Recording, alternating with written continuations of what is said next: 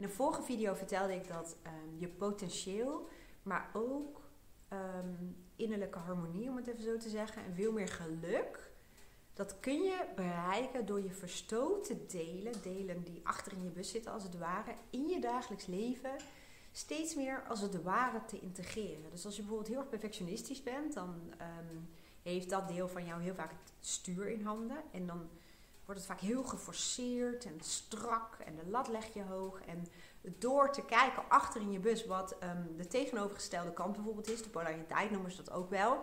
Dat kan bijvoorbeeld een losse kant zijn of de goed genoeg kant, die is niet helemaal tegenovergesteld. Hè? Maar door jezelf vragen te stellen als, ehm, wat zou ik doen als ik wat losser zou zijn? Wat zou ik doen als ik wat meer um, flexibel zou zijn? Of wat zou mijn innerlijke losse kant nu doen? Wat zou die tegen me zeggen? Wat zou die willen doen? En dan help je jezelf om de scherpte eraf te halen.